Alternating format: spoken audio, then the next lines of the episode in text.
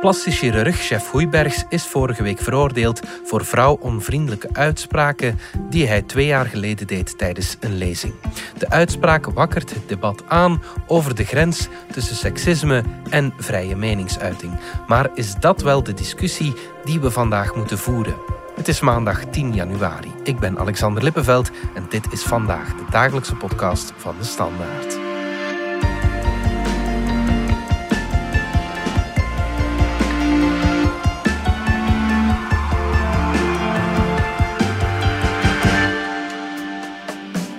Stenkels van onze binnenlandredactie. De zaak begon twee jaar geleden al. Kan je even schetsen wat er toen gebeurd is?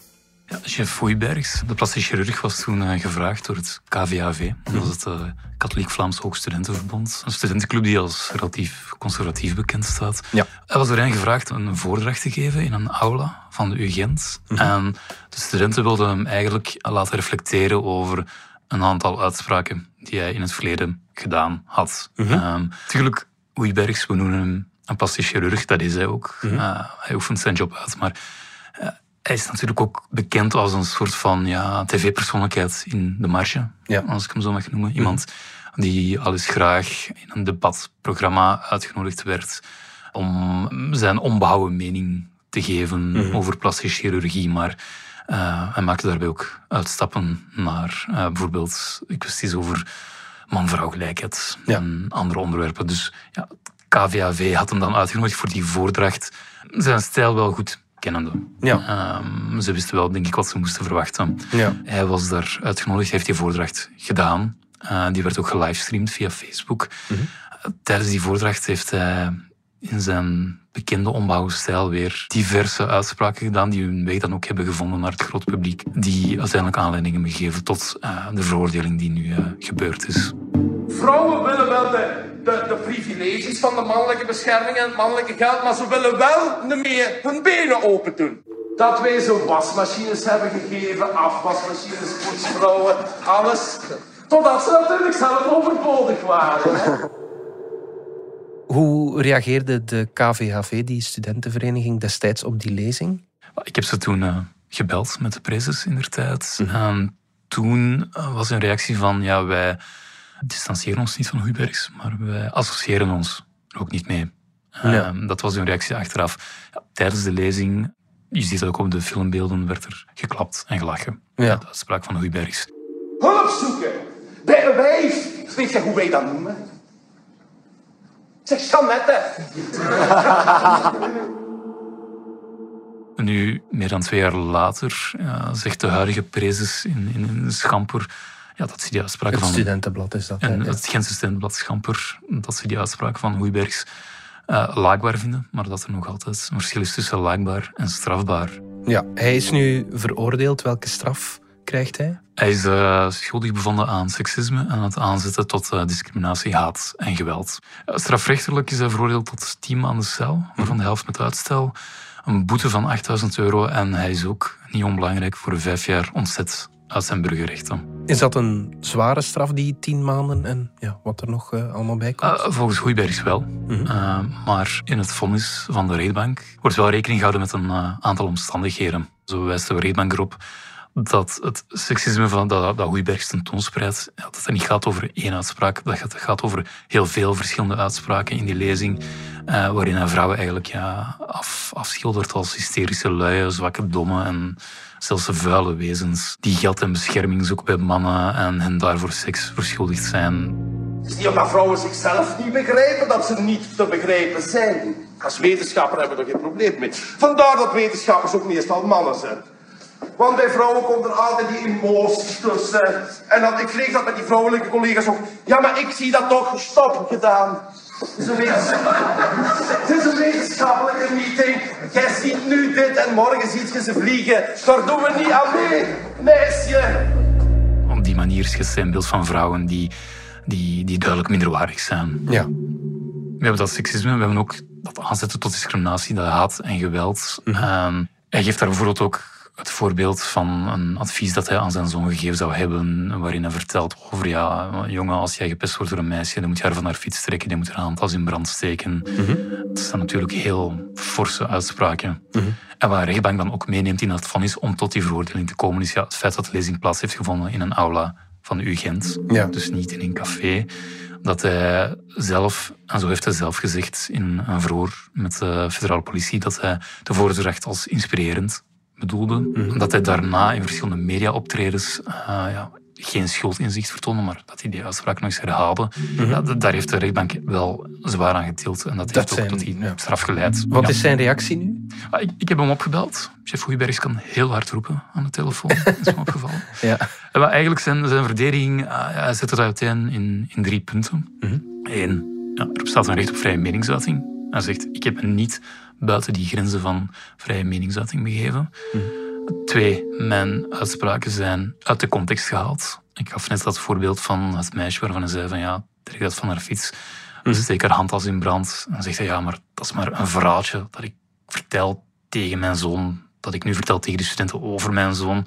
Mhm. Eh, dat is cabaret. Dat is een stijlfiguur uh, om de discriminatie van mannen aan te klagen. Uh, maar op een inspirerende lezing heeft dat misschien wel geen plaats. Voilà, dat is dan ook wat de rechtbank eh, ja. daarover gezegd heeft. Ja, ja, het derde punt dat hij maakt, dat hij zegt is, ja, die straf is politiek geïnspireerd. Uh, hij wordt dus uit zijn burgerrechten ontzet. Mhm.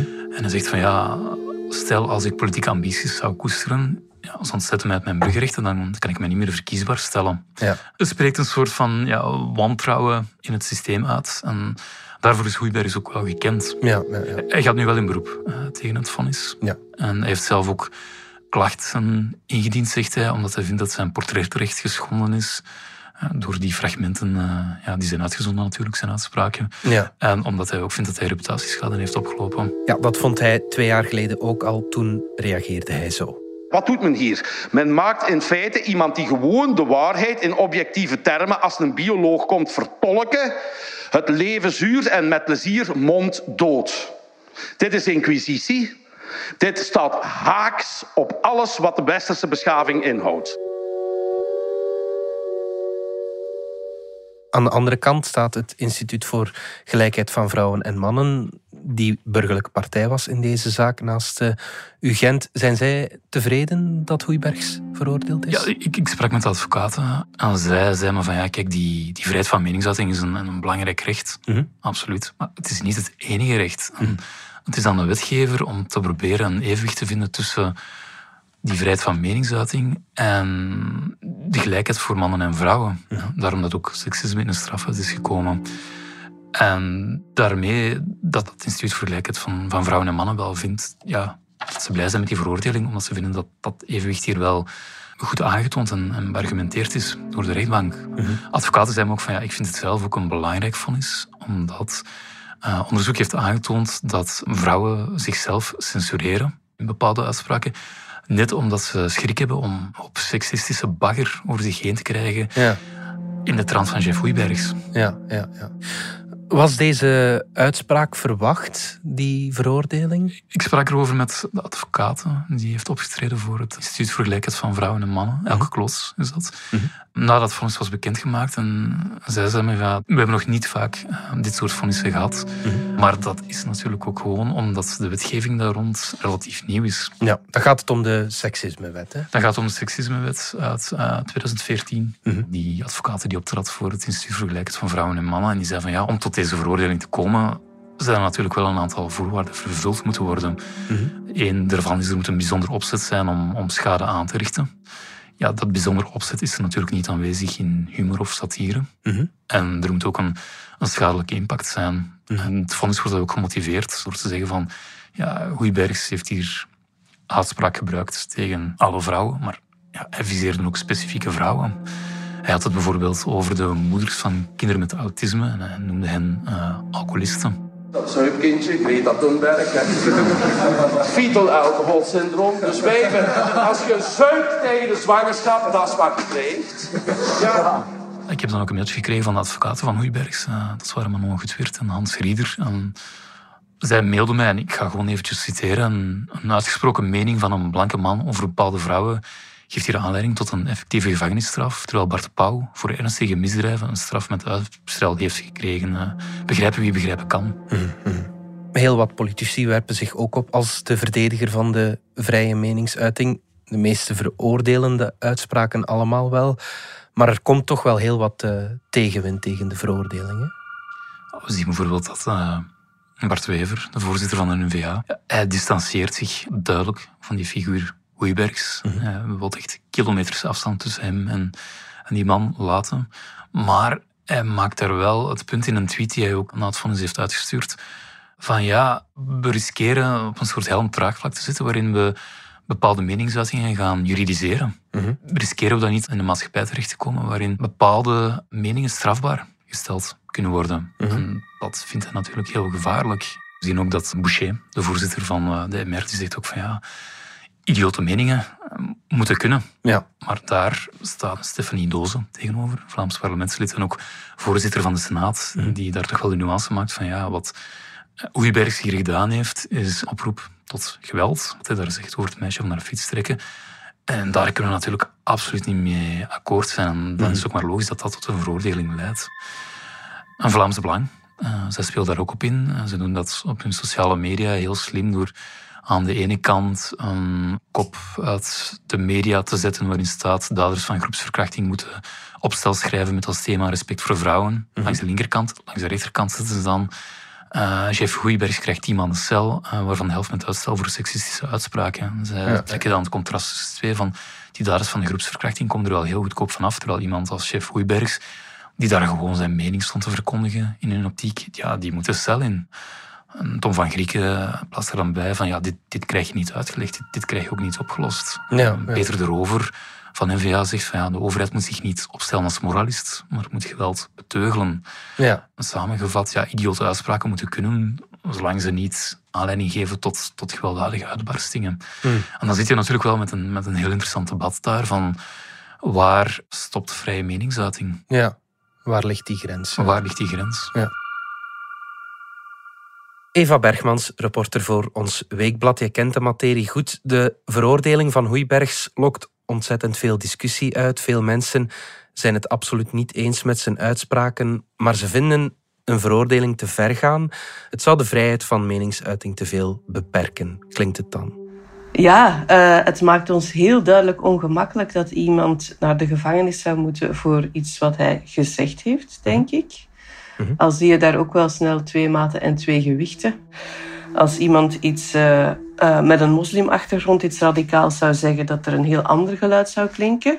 Zelfs als het bijvoorbeeld zou gaan over de gelijkheid van mannen en vrouwen. Mhm. En ik heb een beetje het gevoel dat die discussie over de grenzen aan de vrijheid van meningsuiting iets anders verhult. Dat die gevoerd wordt om een ander gesprek niet te moeten voeren. Mm -hmm. Zijnde het gesprek over seksisme en hoe diep dat die wortels zitten. Ja denk ook als de seksismewet zo'n grote bedreiging zou zijn voor de vrijheid van meningsuiting, dan ehm, hadden we dat intussen wel gezien. Die wet is toch zeven jaar oud. Ja. En ik heb niet het gevoel dat intussen er andere grenzen aan de vrijheid van meningsuiting zijn gesteld dan voor we die wet hadden. Nee, inderdaad. Het is heel uitzonderlijk hè, dat er iemand veroordeeld wordt op basis van de seksismewet. Ja, absoluut. Ik heb eigenlijk maar één ander geval teruggevonden. Um, dat was in 2018 voor feiten die in 2016 zijn gebeurd. Mhm. Politieagenten waren op patrouille en een man schold een vrouw uit voor vuile hoer en dat hij niet naar vrouwen wou luisteren. Mhm. En dan heb je natuurlijk een andere politieagent die erbij staat om meteen akte te nemen van wat er gebeurt. Terwijl heel vaak denk ik het probleem is dat feiten moeilijk bewezen kunnen worden. Mhm. Of misschien ook dat mensen nog altijd niet de moeite doen om naar de rechtbank te stappen. Het geval van Hoeibergs was op zich ook heel uitzonderlijk, hè, omdat het zo flagrant was, op het clowneske, karikaturale af. En dat er ook nog nooit eerder zoveel meldingen waren binnengekomen bij het Instituut voor Gelijkheid van Vrouwen en Mannen. Mhm. De seksismewet bestaat nog maar sinds 2014. Kan je even schetsen hoe die er gekomen is? Een uh, belangrijke katalysator voor de wet is de documentaire geweest die Sophie Peters heeft gemaakt, mm Femme de la Rue, mhm. waarin zij vastlegde hoe zij in de straten van Brussel ja, dagelijks meermaals werd beschimd, nageroepen. Un verre ensemble ou quoi Non, merci. Chez moi à la maison, bien sûr, pas dans un café. L'hôtel, le lit, tu connais direct. Vous comprenez pas Je veux pas. Si tu me donnes envie, c'est normal, non Alors, petit fait Petit fait. Salon. En die documentaire heeft Joël Milquet aangegrepen om de discussie over een seksismewet uh, opnieuw op de agenda te zetten. Ja, zij was, toen minister van uh, Gelijke Kansen. Hè? Binnenlandse Zaken, Gelijke Kansen en uh, vicepremier. Ja. En het was een idee dat zij, of een voorstel dat zij al vroeger in haar hoofd had, maar het is wel dankzij die documentaire dat ze het opnieuw op de agenda heeft gezet en misschien ook daardoor goedgekeurd gekregen heeft. Dat is toen ook niet zonder slag of stoot gegaan. Mhm. Onder meer uh, Jochem Vrieling, die zich nu ook opnieuw heeft laten horen, heeft toen uh, nogal fel van leer getrokken tegen die wet. Mhm. Uh, in een aantal opiniestukken. Ook samen met Rick Torfs. Ja, Rick Torfs, de oud-rector van de KU Leuven en voormalig senator. En Jochem Vrieling, die onderzoek doet naar discriminatierecht aan de KU Leuven. Ja, en zij maakte toen al het punt wat Vreeling nu ook opnieuw heeft gemaakt: van ja, het is eigenlijk niet zo'n goede wet, zij is veel te ruim. Je kan er te veel kanten mee uit. Het is in die zin ook een bedreiging voor onze samenleving. Je zou pakweg godsdiensten kunnen aanklagen, uh, je zou hiphoppers kunnen aanklagen, je zou eigenlijk heel veel culturele uitingen voor de rechtbank kunnen brengen. Wat ik daar opmerkelijk aan vind, ik vind het sowieso een heel interessante discussie. Moet haatspraak voor de rechtbank komen of moeten we daar iets anders mee kunnen doen? Maar los daarvan vind ik die argumenten die Vreelink en Torfs in der tijd al aanhaalden, heel opmerkelijk. Want wat zeg je dan eigenlijk? Seksisme is een fundament van onze cultuur. Blijf daar af. Je kan onze cultuur niet voor een rechtbank brengen. Terwijl je evengoed vanuit die vaststelling zou kunnen vertrekken om te zeggen: Oh, ja, inderdaad, er is wel iets structureel waar wij weinig bij stilstaan en waar we het misschien eens ten gronde over moeten hebben. Ja. En suggereren ze dan een aanpassing aan die seksismewet of een volledige schrapping? Uh, daarover lopen de meningen een beetje uiteen. Dat was in der tijd al. Ook opmerkelijk trouwens in der tijd dat uh, ook stemmen vanuit de vrouwenbeweging tegen de wet waren. Het Vrouwenoverlegcomité heeft zich uitgesproken tegen die wet toen. Christine Hemmerichs heeft gezegd, hebben we zo'n wet wel nodig? Kan dit niet anders? Die bedenking werd nu ook eerder deze week geuit door uh, Bieke Purnell van uh, kenniscentrum uh, Rosa. Mhm. Zei van, mm, ja, moet het, moet het via zo'n wet? Dus het is niet dat het alleen maar van, van de rechterzijde komt dat er twijfels zijn over het nut van zo'n wet. Mhm. wat een specialist als Vrieling zegt is, kijk, we hebben eigenlijk al wetten die dit soort gedrag strafbaar stellen als het extreem en gedefinieerd genoeg is. Dus je zou ook de wetten die we al hadden, waaronder ook een wet, het verbod tot, op aanzetten tot discriminatie van mannen en vrouwen, dus de, de genderwet uit 2007. Mhm. We hebben ook wetten tegen belaging, intimidatie, uh, geweld. Dus je zou ook de wetten die er al bestonden voor 2014 Ja. kunnen toepassen en afdwingen. En dan is het probleem meteen opgelost zonder de risico's van de seksismewet. Is deze discussie, denk je, een, een gevolg van een maatschappelijke evolutie? Een gevolg van MeToo? Ja, het kan haast niet anders of, of dit speelt mee. Hè? De seksismewet eh, dateert uit het pre-MeToo-tijdperk. Maar je kan niet ontkennen dat er het laatste decennium, de laatste twee decennia, misschien de laatste vijftig jaar, heel veel beginnen bewegen is als het gaat over bewustwording over de positie van vrouwen in de maatschappij. Dat die, die wet in der tijd, die seksismewet, ook op die gevoeligheden al inspeelde. Uh, dat er nu zo'n scherpe veroordeling is, ja, was dat dan tien jaar eerder ook gebeurd? Misschien niet. Ik zie ook een lijn met um, proces Bart de Pauw. Dat we dat tien jaar geleden ook niet hadden gehad. Dus ja, ik denk wel dat het in een tijdsgeest past en dat je ziet dat de gevoeligheden worden aangescherpt. En tegelijk zie je natuurlijk ook de weerstand uh, groeien. Dus in die zin vraag ik mij soms ook af hoe productief is zo'n wet en zo'n veroordeling? Ik denk als je in het denkpatroon zit, vrouwen moeten niet te veel noten op hun zang hebben en als we niet opletten, nemen de vrouwen het over. Wat een beetje de bottomline is van hè, als je vrouwen als gelijke gaat behandelen, dan word je zelf hun slaaf als man. Mm. Als je in dat denkpatroon zit en je krijgt ten eerste die wet en dan die veroordeling, dan denk ik dat je dat denkpatroon alleen maar versterkt ziet. Dat je denkt, ah ja, zie je wel. Denk je dat die wet, die seksismewet, de maatschappij echt ten gronde kan veranderen, Eva? Ik vrees daar een beetje voor. Mhm. Die wet is op zich een goede zaak, omdat er tenminste over gesproken wordt. Maar ik denk wel dat we nu het debat ten gronde moeten kunnen voeren en ook ten gronde een verandering in de maatschappij moeten willen bewerkstelligen. Mhm. Ja, dat vind ik jammer nu. Het debat dat is losgebarsten naar, naar aanleiding van de veroordeling van Jeff Hoijbergs gaat vooral over die vrijheid van meningsuiting. Gaat veel minder over wat dit soort meningen kan aanrichten in de maatschappij. En ik denk dat dat iets is waar zelfs vrouwen niet, niet, niet echt een volle de impact van beseffen. Mhm. Het zit zo ingebakken dat je het vaak niet beseft of dat je er vaak niet tegenin gaat. En je kan zeggen, ja, het is maar wat het is, het is maar een mopje of zo. Maar aan de andere kant zie je wel dat wat voor de ene de vrijheid van meningsuiting is, laten we zeggen voor de dominante groep die het idee goed verkondigt dat we al eeuwenlang in stand houden, begrenst ook wel de vrijheid van meningsuiting of het spreekrecht van andere groepen. Mhm. Een heel concreet voorbeeld. Eerder deze week stond in de krant een onderzoek naar de intimidatie van vrouwelijke journalisten van kleur. Mhm.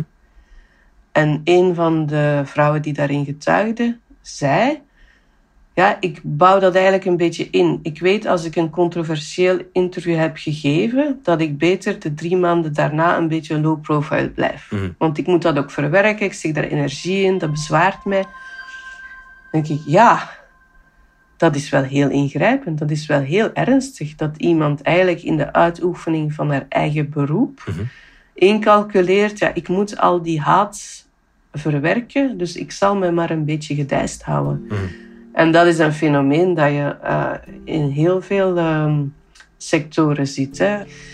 Dus die hele discussie over, oei, mogen we nu echt niks meer zeggen? Eh, mogen we dan niet meer zeggen dat vrouwen hun benen moeten open doen? Dat is toch maar om te lachen. Soms, soms niet. Mhm. Ja, die gaat wel voorbij aan een heel eh, structurele ongelijkheid die in onze samenleving zit. En die heel erg in stand wordt gehouden, net door seksistische grappen zelfs. Mhm. Mijn indruk is vaak de vrijheid van meningsuiting wordt vaak ingeroepen als een excuus voor eh, eerste lijns gebral en een excuus om, om niet te veel te moeten nadenken voor er iets gezegd wordt. Goed, Eva Bergmans, dankjewel. Graag gedaan. Dit was vandaag de dagelijkse podcast van De Standaard. Bedankt voor het luisteren. Ken je trouwens DS Podcast al, de podcast-app van De Standaard? Daar luister je niet alleen naar onze journalistieke reeksen, je krijgt ook elke week een eigenhandige selectie van de beste nieuwe podcasts op de markt. Alle credits van de podcast die je net hoorde vind je op standaard.be-podcast. Reageren kan via podcast.standaard.be. Morgen zijn we opnieuw.